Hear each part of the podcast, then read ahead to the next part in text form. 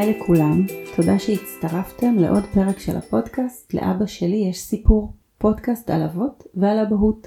אני חני גיטליס, עובדת סוציאלית קלינית, מנחת קבוצות, מתמחה בטיפול בגברים ובאבות. בכל פרק אעסוק כאן בנושאים שמעניינים אבות, ואארח אבא שיספר את הסיפור שלו בגוף ראשון. כשלאחר מכן, בפרק העוקב, אביא את נקודת המבט המקצועית שלי לסוגיה שבה עסקנו. והפעם אני מארחת את יונתן הוכמן, אבא לשלושה ילדים. הקטנה שבהם, אריאל, כמו שיונתן מגדיר, תמיד תישאר בת שנה וחצי. אריאל הקטנה נפטרה באופן פתאומי וטרגי לפני קצת יותר משנתיים, ויונתן משתף בשיחה שלנו בפתיחות רבה על התמודדותו עם האובדן הנורא, שהביא אותו בהמשך גם להקים קהילה בשם אבות למלאכים, קהילה לאבות שחוו אובדן ילד או ילדה. הקהילה שהוא עצמו חיפש לאחר האובדן, וגם ללמוד לימודי הנחיית מעגלי גברים, שהוא בעצמו מנחה את מעגל הגברים שמתקיים במסגרת הקהילה. היי יונתן.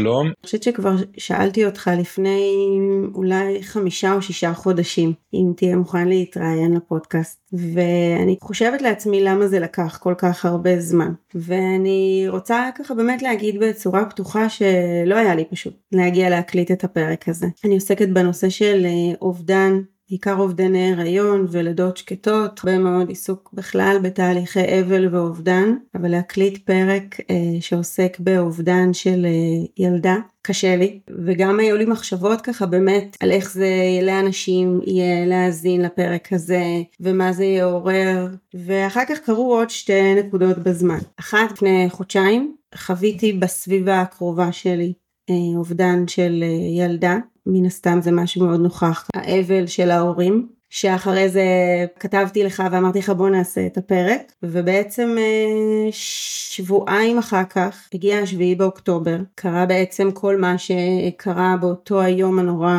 כמעט שמונה שבועות היום ביום שאנחנו מקליטים, אנחנו באמת בממדים לא מוכרים של אובדנים, של הרבה מאוד. אה, הורים שכולים שנוספו ככה למעגל.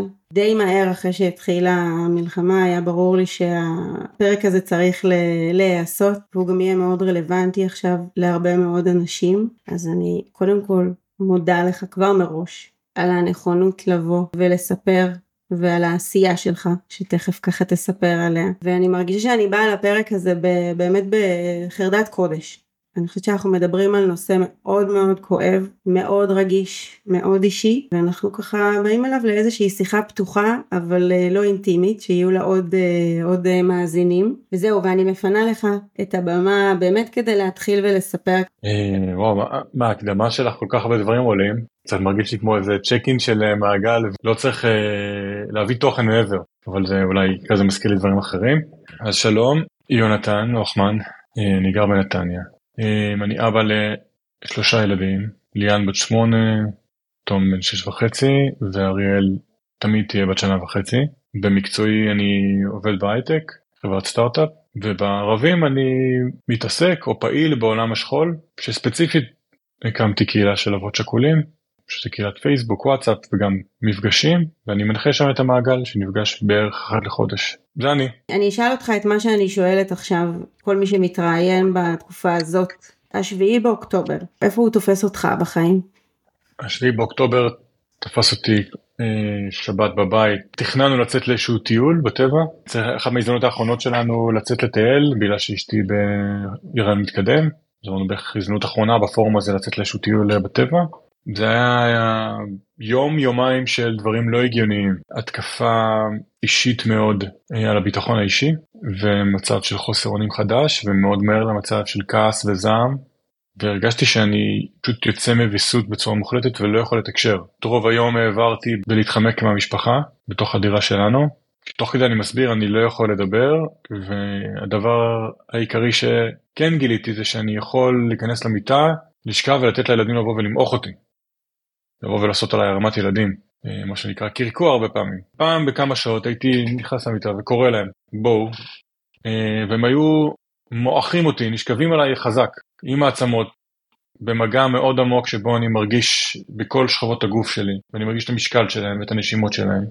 ההתנגדות הזאתי של הגוף שלהם וגם כאילו הפיזית במקביל לשמחת חיים במקביל לקולות שלהם במקביל לחיים שמביאים איתם זה מאוד מאפשר לי אה, לרגע להניח את הלחץ שהייתי בו. זה לכמה דקות מחזיר אותי מבין החרדות המקסימליות שעלו ורמת הזעם שעלתה בעקבות האירועים זה קצת הקטין את העוצמות שלהם. וזה מה שעשינו בכל כמה שעות. זה היה 7 לאוקטובר.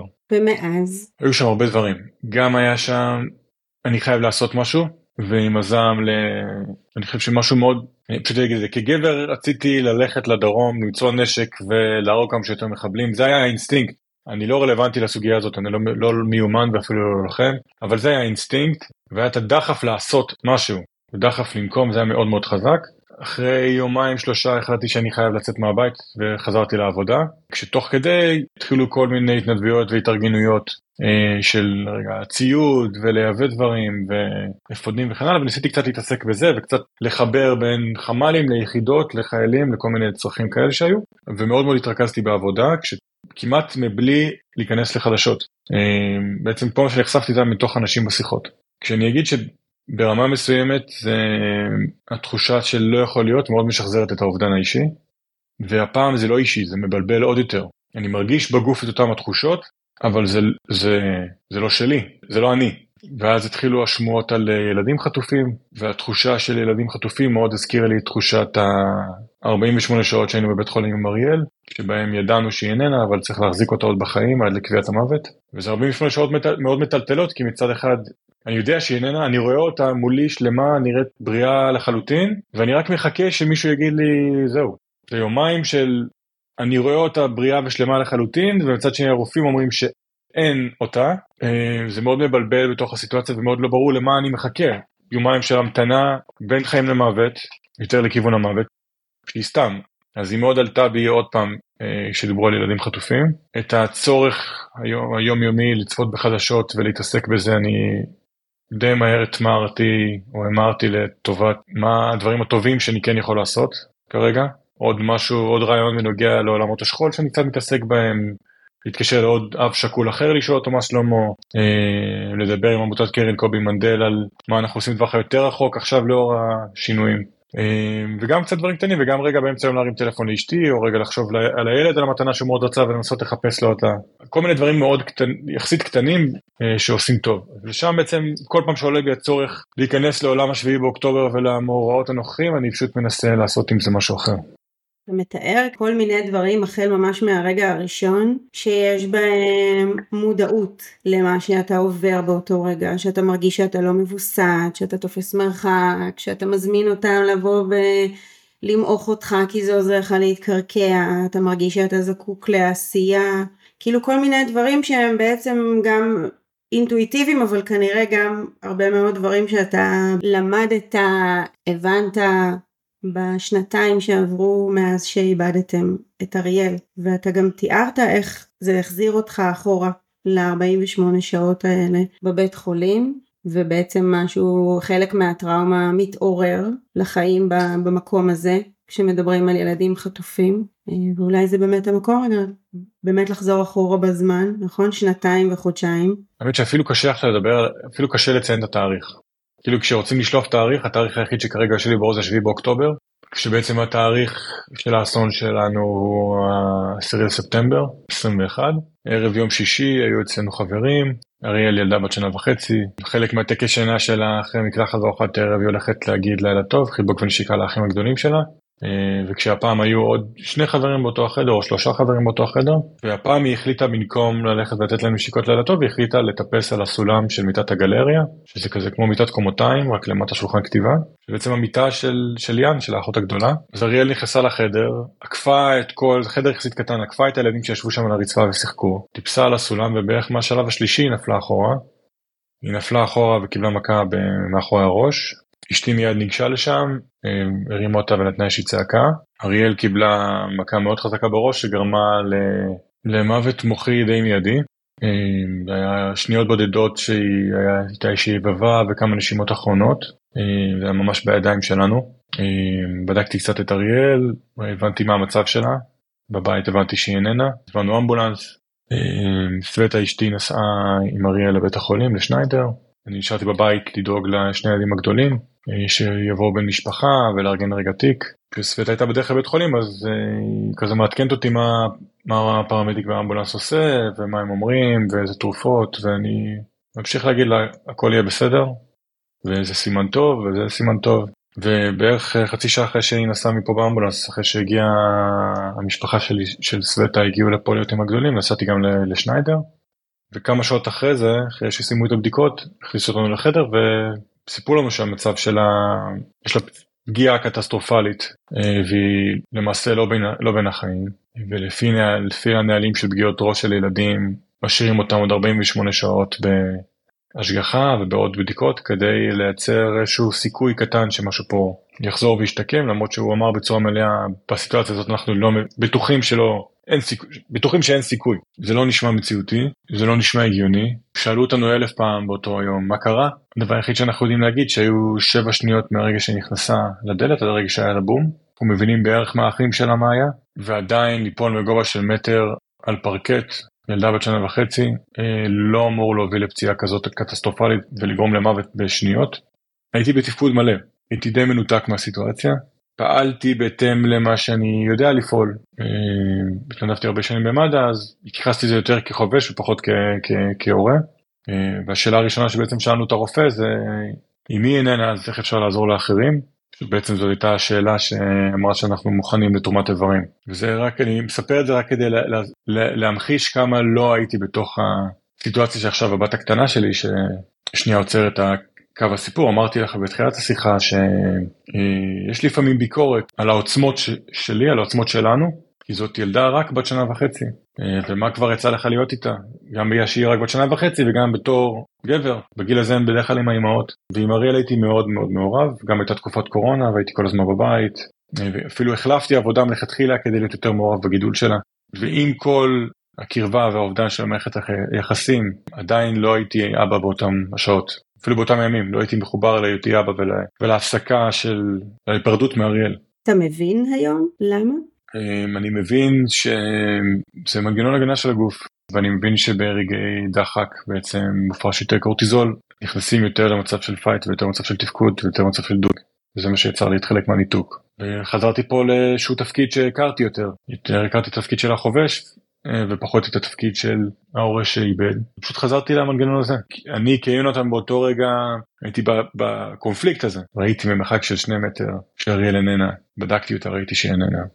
ובמאית שנייה נכנסתי חזרה לתפקיד החובש ותפקיד ההורה לא, לא קיבל שם מקום, מבחירה או מאוטומט. אני מבין שזאת הייתה הדרך שלי באותו רגע.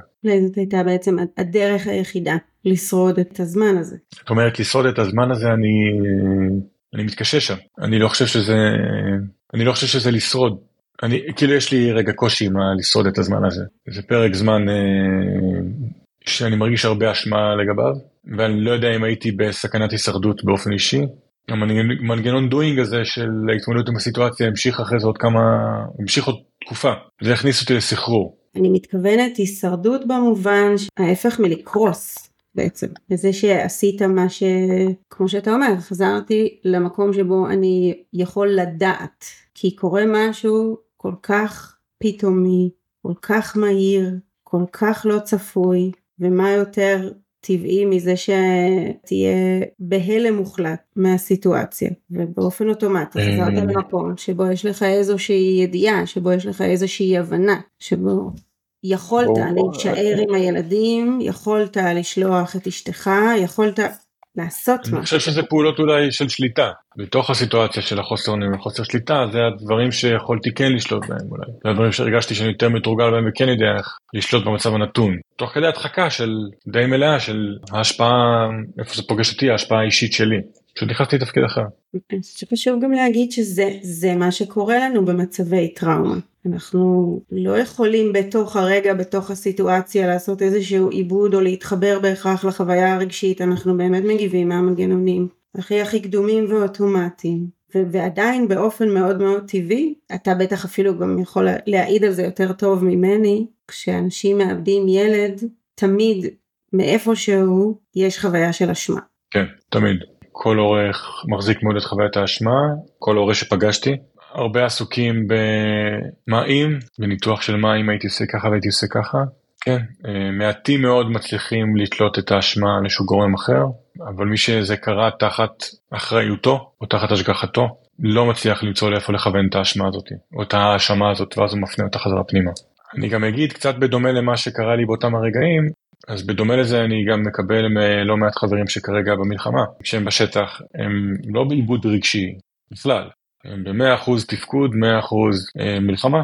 ואני חושב שאולי גם קצת עם המודעות שלנו כחברה לפוסט טראומה, אנחנו מצפים כשהלוחמים חוזרים לסוף שבוע שיפרקו את כל מה שעל ליבם, אה, וזה גם אולי ציפייה קצת לא הוגנת כלפם, כי הם חוזרים כלפיהם, כי הם חוזרים והם עדיין צריכים לשמור על זה. זה גם קצת משהו שאני שומע, שומע ורואה מול חברים. ואיך זה שאני פוגש חבר שעכשיו חזר מעזה, מסביבים בעזה, אני פוגש אותו ביום חמישי בערב, והוא שמח ומאושר ומחייך, אה, ואני פה בעורף אה, מרוסק. איך זה יכול להיות? יש לזה כל מיני הסברים, אחד מהם באמת זה המנגנון, אה, המנגנון, המנגנון בעצם של ההישרדות, אבל זה גם האחווה שהם חווים שם והם לא, לא לבד כרגע, והם מאוד עובדים על החיבור כצוות ועל ה... איך שהם סומכים אחד על השני ועל האמון בתוכם ובין עצמם, וזה גם מורגש. מהחבר'ה שחוזרים הביתה. יש גם חוויה של משמעות, כאילו כמו שאתה רצית לקחת את הנשק וללכת לעזה, יש אנשים שמרגישים שיש המון המון משמעות במה שהם עושים, זה ממלא אותם בסיפוק, יש הרבה אמונה בדרך שהם פועלים עכשיו.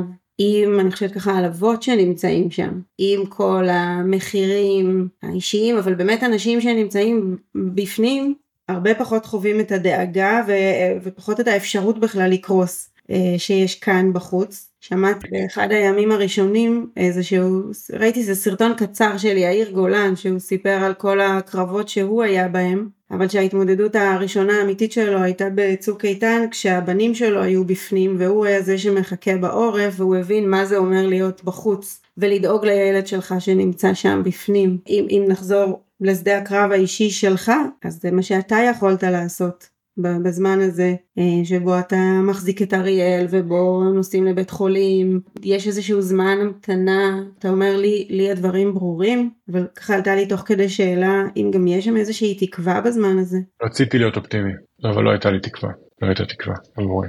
אני אגיד משהו שהזכרתי אותו עכשיו והוא עלה במעגל של האבות השכולים שלהיות הורה זה בעצם להיות אחראי בלי היכולת לשלוט. אה, ובדיוק בדוגמה של יאיר גולן, הוא אחראי לבנים שלו למרות שהם כבר בוגרים ויצאו להילחם, אבל אין לו שום יכולת למרות תפקידו אה, לשלוט, וגם, זה גם נכון כלפי הילדים שלי, שלושתם, ואני גם אגיד שאחרי שאריאל אה, נפטרה, היה לי מאוד קשה לשלוח חזרת הילדים למסגרות, לבית הספר ולגן.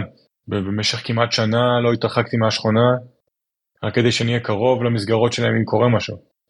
לקח לי זמן להתמודד עם התחושה הזאת. יש כל הזמן פחד. כי יש כל הזמן פחד, אמ, גם כשאני איתם, בבית, בחדר, ומשחקים מול העיניים שלי, יש פחד שעוד שנייה יקרה משהו למישהו מהם. וזה פחד שלא עוזב, זה פחד קבוע. פשוט פחד מאוד, מאוד אובדן, מאוד מיידי, וגם עכשיו כשאנחנו לקראת לידה, כמעט כל יום יש לי, אפילו לא מחשבה, חיזיון מלא, חיזיון מלא מההתחלה ועד סופו, ארוך, מלא משמעות של איך אנחנו מאבדים עוד ילד, ואיך הקטנצ'יק שעומד ללדת אה, פתאום טובע, אה, ושאנחנו לא מצליחים להציל אותו, וכל מה שקורה אחרי זה, ושוב התעוררות של האשמה, והפחדים האלה לא עוזבים אותנו, והם חיים גם בי וגם באשתי אה, כל יום.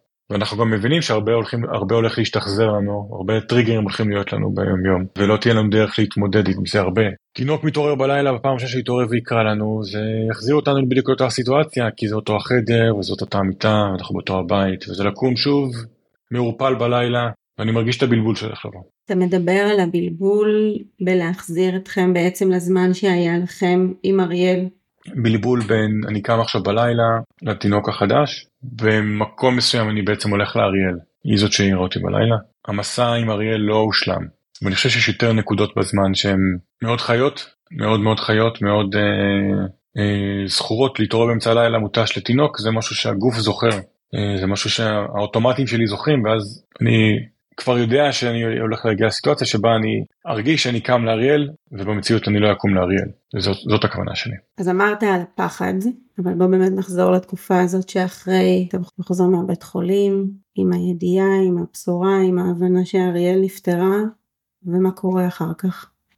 בבוקר למחרת תיארנו את הילדים וסיפרנו להם שאריאל נפלה וקיבלה פגיעה מאוד חזקה, מאוד רצינית, והרופאים ניסו לעזור לה ולא הצליחו, והיא לא תחזור מבית החולים. נתנו לזה כמה שניות ואז אמרנו היא איננה, והיא נפטרה. זה היה השיח הראשוני. התחילו להגיע, התחילה להגיע משפחה וחברים. במקביל תחושת הכישלון שלי כהורה מאוד התגברה, במיוחד לאור העובדה שעשיתי הרבה שינויים כדי להיות יותר נוכח בחיים של אריאל, והייתי מאוד מאוד נוכח בחיים שלה, ועשיתי הרבה יותר ממה שאני מסוגל, ועדיין פספסתי בשבע שניות האלה. ועדיין היה מקום שבו הייתי צריך לעשות עוד משהו קטן ולא עשיתי, אז איך אני עוד יכול להיות הורה בכלל? איך אני יכול להיות עוד אבא? אה, זה נרטיב שהתחיל להיבנות לי מאוד חזק במחשבות, והקשה עליי. בתקופה הראשונה של השבעה היה קשה אפילו לקחת כוס מים. אני זוכר את היום האחרון של השבעה שאמרתי בצהריים, אני קם ואני מחייב לעצמי אוכל, זה לקח לי שעה וחצי. מחייב לעצמי צלחת של אוכל. ועמדו מסביבי, אחותי והאחים וחברים, ואמרו לי, אנחנו נגיש לך, אמרתי לא, אני, רגע, ואני, ואני כל תנועה נעצר, כופה, לא מבין איך אפשר עכשיו להתעסק ולחמם לעצמי אוכל. אז התקופה הראשונה הייתה עם המון חוסר תפקוד והמון חוסר תפקוד זה פחות מבחוץ יותר מבפנים זה יותר חוסר מסוגלות ותחושה של ניתוק מוחלט מכדור הארץ ומהעולם והעולם כאילו ממש לצידי ואני מנסה הרבה דברים כדי להביא את העולם אליי או איכשהו ליצור איזשהו קשר חזרה עם העולם וזה לא היה קל. מה מה?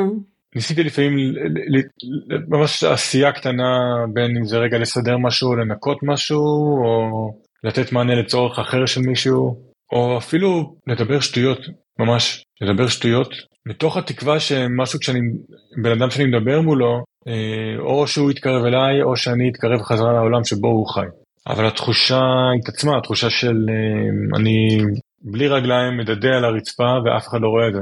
כאילו אני מרגיש שאני חיצונית מתפקד אבל פנימית לא, כמעט שלא קיים והוויסות הרגשי שלי התאפס, ממש ממש התאפס. כל דבר שקורה מסביבי הוא חזק מדי, הוא חלש מדי, הוא רגיש מדי, הוא רועש מדי, הוא חז... כואב מדי. כל אמירה מסביב היא פוגעת, פתאום הפרשנות שלי לכל מה שקורה מסביב היא, אם בדרך כלל יש מחשבות ויש קולות אז היא, הפרשנות השגויה היא בכל הזמן ובסופר עוצמה. ועם הזמן זה גם הפך להיות אפילו כל בדיחה מסביבי הפכה להיות בפרשנות שלי לבדיחה נגדי. כל מעשה וכל פעולה ועד היום זה חי בי. היום זה, הדבר, זה, זה עדיין האוטומט. הפרשנות של הכל נגדי היא עדיין האוטומט. היום אני קצת מאפשר לפרשנות הזאת יותר מקום ויותר מבין שזאת הפרשנות ובאירועים חזקים רגע לוקח איזו נשימה בעצם כי אז לא אמרת לעצמך זאת הפרשנות שלי זה זאת כן, הייתה העולם נגדי העולם ברח עובדה כן, העולם נגדי, העולם ברח, אני לבד, והדבר היחיד שאני שומע מהעולם זה תהיה חזק, מה זה תהיה חזק בסיטואציה הזאת? מה זה אומר? או מה שלום הילדים? קשה להם, בסדר, מרגישים אשמה, מה שלום האישה? נורא, מצב נורא, אבל לא שואלים מה שלומך, או כזה אתה בסדר, או היה שם קונפליקט גדול. אתה כן אומר פה משהו על המקום שלך כאבא, נכון? שואלים על אשתך, שואלים על הילדים, לא בודקים מה איתך. ואתה גם לא מנסה להעמיד פנים שאתה חזק, שאגב הרבה...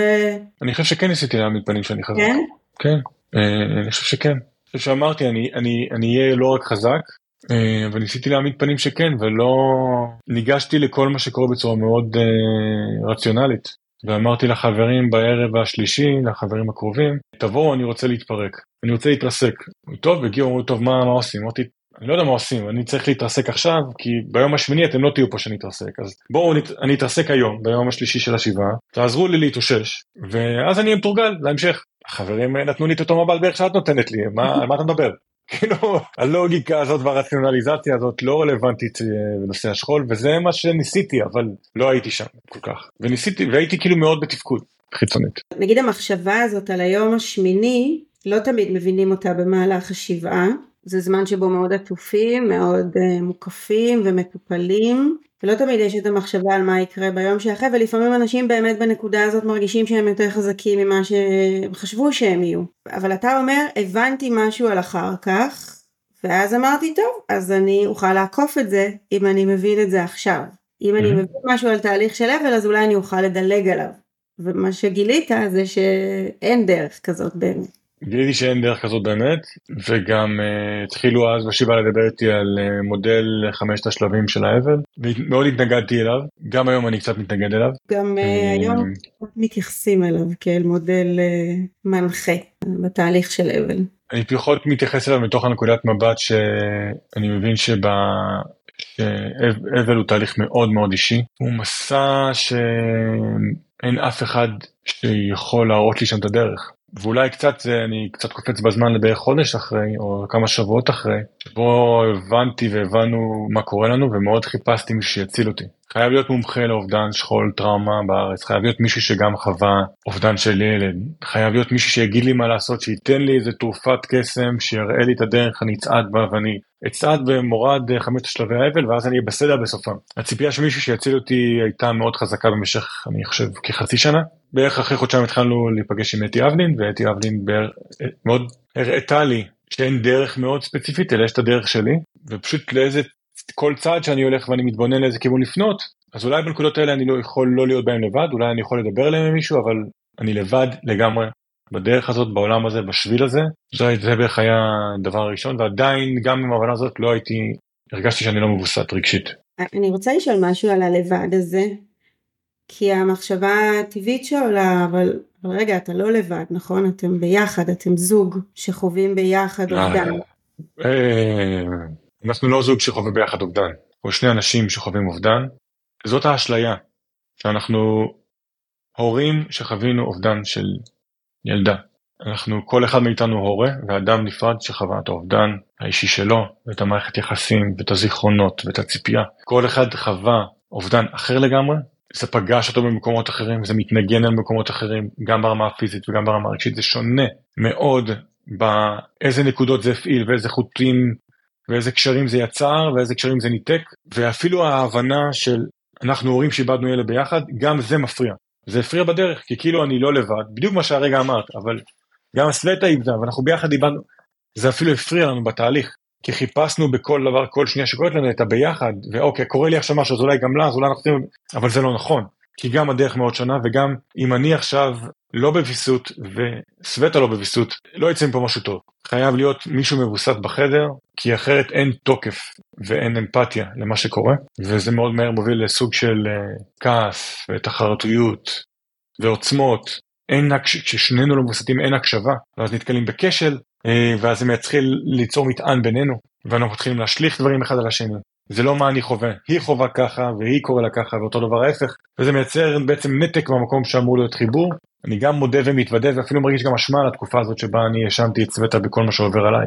וזה לא עוזר שכל הזמן שומעים את הסטטיסטיקות של 80% אה, מההורים השכולים מתגרשים, 90% מההורים השכולים מתגרשים. אה, ההורים השכולים האלה שפגשנו אף פעם לא התאוששו, אלה אף פעם לא התאוששו, כאילו הדברים האלה מתחילים להגיע, מתחילים לפגוש אותנו ו... ואנחנו לבד בזה.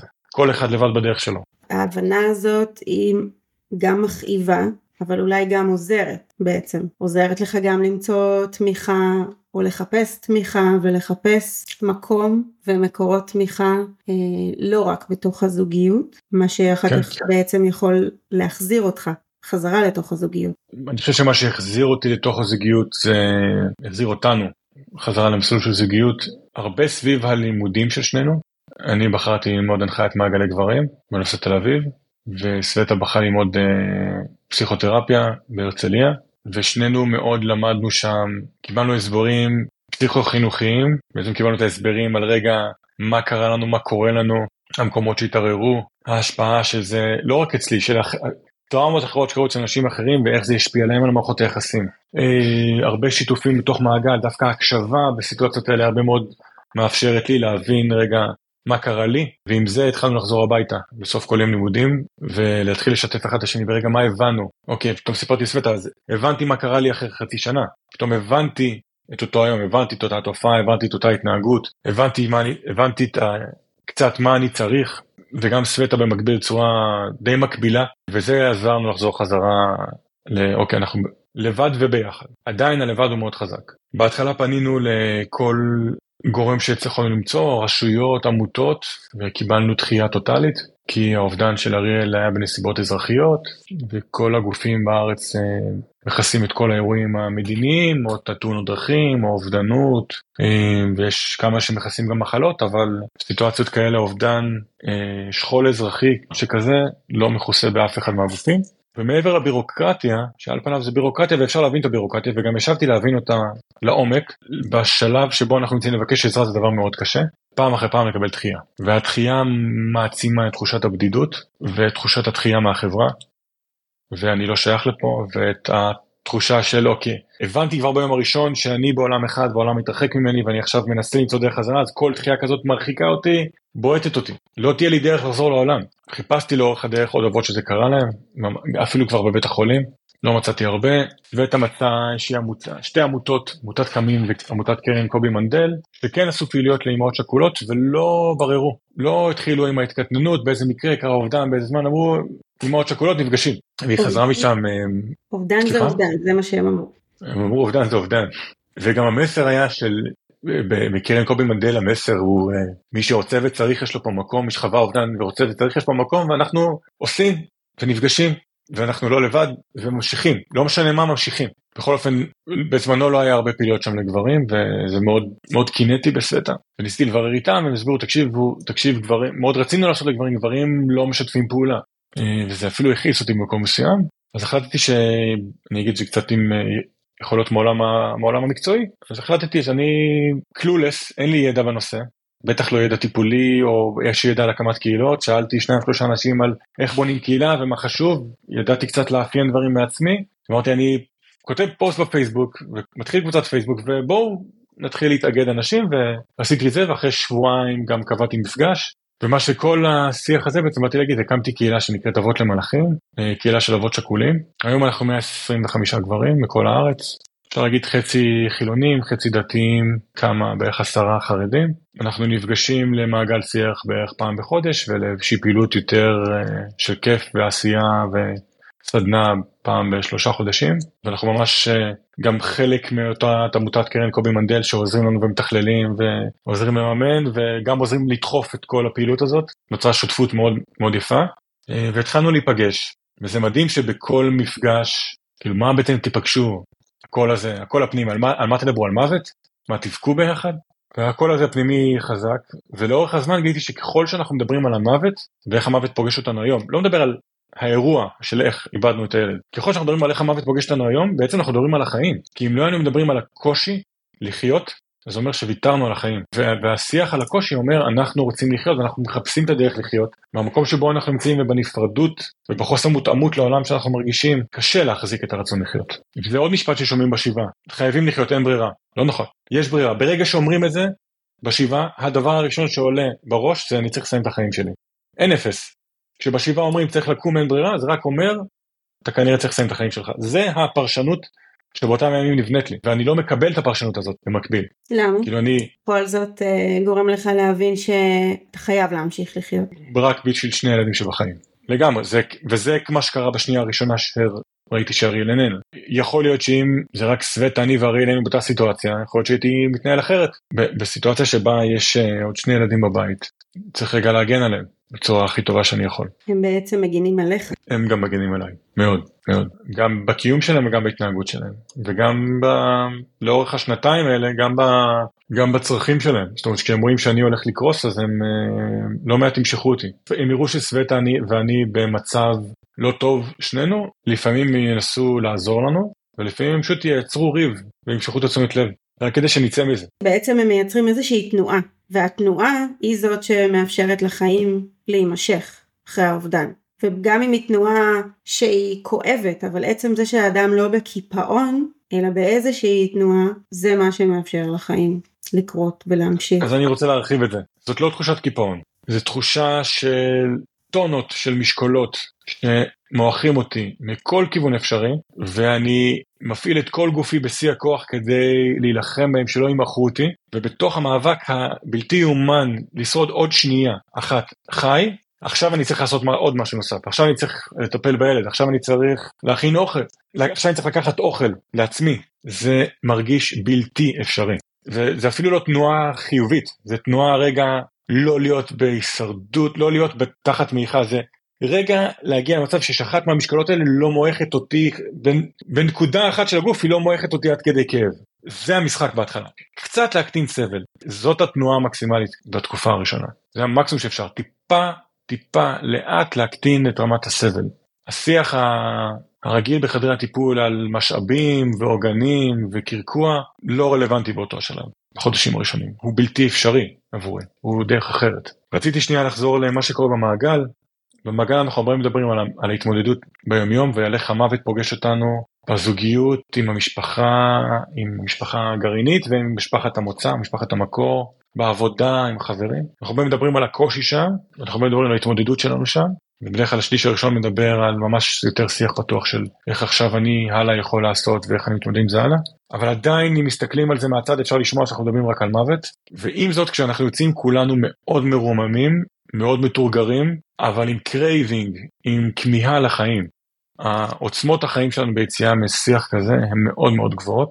זה גם אומר שהעצב חי בנו מאוד חזק. זה גם אומר שמעגל ראשון מרסק ולא ישנים באותו הלילה. וגם בשני ובשלישי ובעשרים פחות ישנים טוב באותו הלילה. זה הפך לבדיחה, כולנו ערים בשלוש בבוקר אחרי מעגל. מבינים את זה, אבל זה מניע לפעולה. זה מעודד אותנו עוד להמשיך לחיות, ועוד לעשות איזה מעשה קטן לעצמנו, ועוד מעשה קטן למען הילדים, ועוד מעשה קטן למען האישה. וזה קצת מתחיל את התנועה. כמו שאמרת מקודם, אבל גם על המלחמה, זה מעבר ל... על מה אנחנו מדברים, זה עצם הביחד. כן, זה עצם הביחד גם, זה עצם הביחד וזה גם, ממש אני זוכר את המפגשים הראשונים, אני באתי עם מלוא העוצמות שלי ועם מלוא העוצמות הפיזיות שלי, אמנם אסוף אבל עם מלוא העוצמות, ואני מרגיש אזורים בגוף מאוד מסוימים ששורפים מקור, התיאור האופייני שם, ועדיין כשחבר אב שכול אחר מדבר, פתאום אני מרגיש איבר אחר, והוא מתאר לי את התחושה בה, התחושה שלא הצלחתי לשים לה מילים. וכאילו מישהו עכשיו מתאר לי את הטחול, הרי יש לי טחול, אבל אני לא, אני לא מרגיש אותו. אני לא יודע איך אני אמור להרגיש אותו בכלל, אבל יש לי פשוט בגוף טחול. אז פתאום מישהו במעגל, מישהו בעצם כאילו מסביר לי, הנה הטחול, הנה מה הוא עושה, הנה איך הוא מרגיש, הנה איך הוא משפיע. ועכשיו אני שם לב אליו, ועכשיו אני יודע קצת לעבוד איתו. ועכשיו זה לא קופסה שחורה סגורה, זה לא חומר גלם, זה עוד אזור בתוכי שנוצרה בו תנועה גם אם לא התנועה שלי, תנועה של אחר, והיא מאפשרת לי גם להבין איך אני הייתי מגיב בתוך הסיטואציה, איך הגבתי בתוך אותה סיטואציה. זה מייצר עוד מילים ועוד שפה במקום מה אני בסדר, או אני מתפקד, אה, או קשה לי. אה, זה מייצר שם עוד מקום, וככל שאני מתקדם מתוך החומר גלם לטובת דברים אחרים, אז אני גם יכול את אותה השיטה לעשות גם באזורים אחרים ביומיום ומחוץ למעגל. ככה גם אני יכול לבוא להגיד לאשתי, את כרגע פנויה להכיל אותי. אני שואל אותה, את כרגע פנויה לשמוע את השיתוף שלי? את רגע, אני יכול רגע שרק תקשיבי. בתוך המקומות האלה התחלנו רגע, או להגיד לחבר, כן אנחנו נפגשים בערב, ערב צחוקים, עליי שהכל טוב ויפה, אבל אני צריך שתי דקות. אני צריך שתי דקות, שתהיה איתי רגע עצוב ואני אוכל להיות, נוכל להיות כולנו שמחים כל הערב. וזה קשה, ואני אני באמת צריך שתי דקות, בכמעט כל סיטואציה חברתית היום. אני עדיין צריך את השתי דקות או לראות את הבן אדם שאני יודע שאני יכול להיות איתו עצוב, כדי שאני אוכל להרגיש קצת חלק מהמציאות. אני חושבת שאתה אומר משהו חשוב לאבות אחרים, שאפשר להיות במעגל גם אם קשה לדבר. כי מספיק להיות ולחוות ולהקשיב בגלל החוויה הזאת שמישהו יכול לדבר אותך, שאתה יכול למצוא את עצמך מתחבר ומרגיש הכי הכי מובן גם אם לא אמרת שום דבר. אני חושבת שהקושי הזה לבוא ולדבר ולפתוח, בטח מול אנשים זרים, הוא הרבה פעמים ממש חסם של אנשים להגיע למרחב הזה. אני מכירה את זה גם אה, מההנחיה של קבוצות לגברים, שהחסם הכי הכי גדול הוא פשוט להגיע. ומרגע שמגיעים יש ממש התמסרות וחוויה מאוד מאוד פתוחה וקרובה די מהר. החסם הכי גדול הוא פשוט להגיע. זה נכון, זה חסם מאוד גדול, פשוט זה החסם אולי, להיות פעיל זה החסם העיקרי, יש המון ערך בלהיות פסיבי, המון ערך בלהקשיב, ורק לקרוא איזה פוסט ורק לקרוא איזה הודעת וואטסאפ אחת יש ורק להיחשף קצת. יש לזה המון המון ערך ורואים את זה. יש uh, תרגיל שעשיתי באחד מהימים במעגל של uh, דקה שבה צד אחד מדבר הצד השני חלקתי אותם לזוגות צד אחד מדבר צד שני מקשיב אבל בלי מילים רק עם עיניים דקה מסתכלים בעיניים אחד לשני כשצד אחד הוא המשדר והשני קולט ואחרי זה מתחלפים. אז זה בעצם תרגיל של שתי דקות מדוד. הוא יצר המון אי נוחות ויצר שעה של שיח שעה של מילים בסיטואציה קלאסית שגברים יכולים לשתוק גברים יכולים לשתוק שתקנו שתי דקות. אחרי זה שעה דיברנו על השתי דקות שתיקה האלה. ואני חושב שאחד מהפחדים אחד מהסיבות שגברים לא ממהרים להגיע למעגלים או אני חושב שאולי במעגל של האבות השכולים כי מפחדים שגם שם ידחו אותם, או גם שם לא הצליחו לראות אותם. והתחושה הזאת שמגיעים למפגש ואני רואה שמי שמולי לא מפחד להסתכל לי בעיניים. כי בתחושה שלי, או בפרשנות שלי, יכול להיות שזה גם במציאות שלי, אבל אני בחוויה ביום של אנשים קשה להסתכל לי בעיניים ולראות באמת מה עובר עליי, וכשמגיעים למפגש עוד לפני שתחילת המעגל, אף אחד לא מתבייש ומפחד להסתכל בעיניים. ורק זה מייצר בשניות את תחושת השווים, ובלי צורך לעשות מעשה אחד מעבר. המטרה היא עיקר להיפגש. לא מאוד משנה עם מי וכמה, העיקר לעשות איזושהי תנועה שם, כמו שאמרנו. לקרוא איזה משהו, לשמוע איזה משהו, לראות עוד מישהו. ההקשבה מאוד עוזרת, כן, אבל זה, זה השלב המתקדם יותר. השלב הראשון זה תנועות קטנות, baby step של baby steps. ורוב הגברים שפונים אליי הם פונים אליי ואחרי זה מתחרטים. זה לא, כי אני לא רוצה. ואז שולח להם איזו הודעה עם, כאילו, רגע, איך להתחיל עם זה, ואז הם לרוב רק בהאזנה. הם רק מסתכלים ואני לא חלק מזה שלושה ארבעה חודשים, מתחילים לשמוע ולראות שיתופים, ואז בכלל מרימים איזה טלפון או מתוך מקום של מצוקה או מתוך משהו אחר שקרה או מתוך איזשהו חיבור, או טוב, הם שותקים, מתקשרים ושותקים על הקו. אה, ואז לפעמים משם זה מגיע לטוב, לטובת מפגש. ובאמת בעצם בשלב המיידי שאחרי האובדן, שם רק מתחיל תהליך האבל, והוא בעצם ממשיך, תמיד ממשיך והוא תמיד אה, נפגש עם עוד כל מיני מקומות בחיים ולפעמים יבוא משהו אחר ש... שיעורר את הדברים מחדש או יגרום לאדם להבין שאולי עד עכשיו הוא לא התמודד עם האבל הזה. אני יודעת על גברים שהרבה פעמים משהו ככה בא איזה משבר בהמשך שהוא זה שדוחף לטיפול לקבל עזרה או, או לפעמים באמת למשבר מאוד מאוד גדול עד שאפשר להיעזר. זה ככה... זה אגב אמירה אני חושב שהיא מאוד דומה מתאימה באופן כללי לפוסט טראומה. הרבה פעמים אחרי הטראומה אומרים הכל בסדר, מרגישים שהכל בסדר, ושנים רבות לאחר מכן קרו אירוע נוסף שהוא בעצם הציף, זה גם קרה אצלי, זה הציף, האובדן חצי שנה אחרי הציף אצלי אה, פגיעה מינית שלא פתחתי אף פעם, זה מציף עוד דברים, כן. לקראת סיום, חושבת שיכולנו לדבר גם לעוד uh, הרבה מאוד שעות כי זה באמת כל כך הרבה זה ממש עולם ומלואו. אני רוצה רגע לגעת בנקודה אחרת שאמרת כחידוד יש לי קושי עם, עם תהליך האבל אפילו להגדיר את זה כי זה קצת מרמז שיש לזה סוף ואני יותר רואה את זה בין אם זה גלים לבין משהו ספירלי זה מאוד חי איתי. היום אני מאוד מרגיש שזה ספירלה שמסתובבת סביבי של העוצמות של מה שאני מרגיש והקושי של מה שאני מרגיש וזה חלק מכל מה שקורה בי. אה, אני פשוט מחליט מתי לתת לזה יותר מקום, מתי פחות מקום, אבל זה חי במלוא העוצמה כל הזמן, זה לא מאוד, יש אפילו אזורים מסוימים שהתגברו עם הזמן, אני יכול להגיד. יש אזורים מסוימים בסביב, בסביב האובדן שהם מתגברים עם הזמן, גם אחרי השנה וגם אחרי החצי שנה וגם בכל מיני יומים ואירועים, אז אני רוצה להתייחס למה שקורה כחלק מהחיים מעכשיו, וזה קשה קצת לשמוע את זה ולקבל את זה, אה, וזה ללכת עם זה, ביחד עם זה, כל הזמן, אין לי דרך להשאיר את זה מאחור, יש לי דרך לבחור מתי אני יותר נותן לזה מקום, מתי אני פחות נותן לזה מקום, ועם הזמן למדתי אולי מתי להקשיב מתי להבין שאני צריך לתת לזה קצת מקום. הדברים שלמדתי בשנתיים האלה זה לא להגיע למאה אחוז שבו אני כבר לא יכול, אני בזעם, אני מנותק, אני מוחלט, אני במאה אחוז עשייה, אלא ב-80-90 אחוז רגע אני צריך שנייה להתאוורר, אני צריך שנייה לצאת החוצה, אני צריך אה, להרים טלפון לחבר, אני צריך לגעת באיזה חפץ שעושה לי נעים, אני צריך לחשוב על זה, אני צריך להשמיע איזשהו שיר נעים, כדי לא להגיע למצב שאני יוצא מוויסות מוחלט. ואז אני יכול לבחור, ואז אני יכול לחסית, אולי לשלוט מתי אני כן מקדיש לזה זמן. כי הלא להחליט מתי אני מקדיש זמן לא, לא, לאובדן, מביא אותי שוב לחוויות של זה לא הזמן המתאים לפתוח את זה, ואז לתחייה. וגם זה השלב של רגע אני רוצה לשתף, צריך לברר האם האדם שמולי מתאים שאני אשתף, האם האדם שמולי מפחד מהשיתוף. אז בהרבה מקרים צריך לקחת פה את הצד היותר אחרי ולרגע גם לתת אזהרת טריגר וגם לשאול וגם רגע לשאול סביב הפחד של אותו אדם על הנרטיב שאני הולך להביא איתי וגם להבין שיש לו את הזמן ואת ה, את הקשב. אה, זה הדברים החשובים שלמדתי לאורך הזמן.